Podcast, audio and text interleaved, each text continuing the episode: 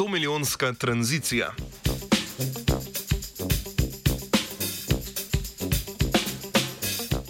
Kitajska raziskovalna skupina je v delu objavljenem v reviji Global and Planetary Change temeljito sedimentološko in izotopsko preučila karbonatne kamnine iz paleozoiskega časa. Danes so take kamnine Danes se take kamnine nahajajo na jugovzhodu Kitajske, v pozni paleozoiski ledeni dobi pa so nastajale na različnih morskih globinah na meji dveh takratnih oceanov. Kamnine takih območij se izjemno redko ohranijo dlje časa, še posebno zaradi takratnega tektonskega delovanja, ki ga poznamo pod imenom hercinska orogeniza.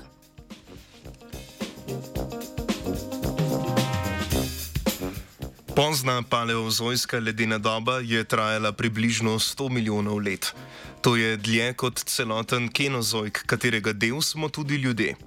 Pozna paleozojska ledena doba je edino obdobje z že razvitimi kopenskimi ekosistemi in višjimi rastlinami, ki ima dobro ohranjen kamninski zapis prehoda iz časa ledenih pokrovov v toplo tropsko ozračje brez ledenikov. To imenujemo tudi Icehouse Greenhouse Period. Prehod. Prehod.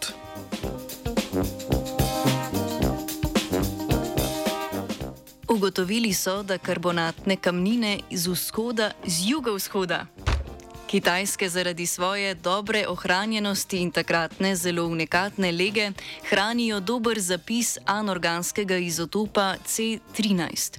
Koncentracija raztopljenega anorganskega C13 nam lahko veliko pove o premikanju takratnega oceana, recimo o njegovi globini in vzorcih kroženja.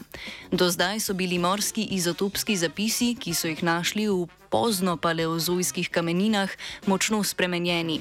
Med drugim tudi zaradi vpliva nihanja morske gladine in posledične izpostavljenosti kopenskima procesoma oksidacije in erozije.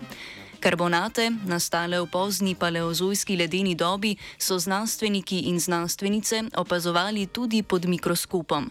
Med skoraj 280 vzorci so na podlagi veziva delcev in struktur ločili osem glavnih sedimentacijskih okolij oziroma osem možnih odzivov območja na nihanje morske gladine, ki je posledica Icehouse-Greenhouse prehoda.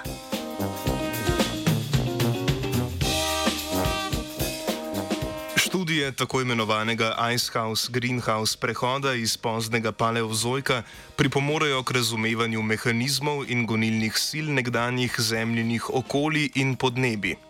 Ohranjenost kamnin in takratne idealne lege na prehodu med dvema oceanoma za obravnavane karbonate iz pozne paleozojske ledene dobe pomeni, da so postali zanesljivi proksiji za globalno povprečje anorganskega izotopa C13, ki je pomemben del globalnega oglikovega cikla.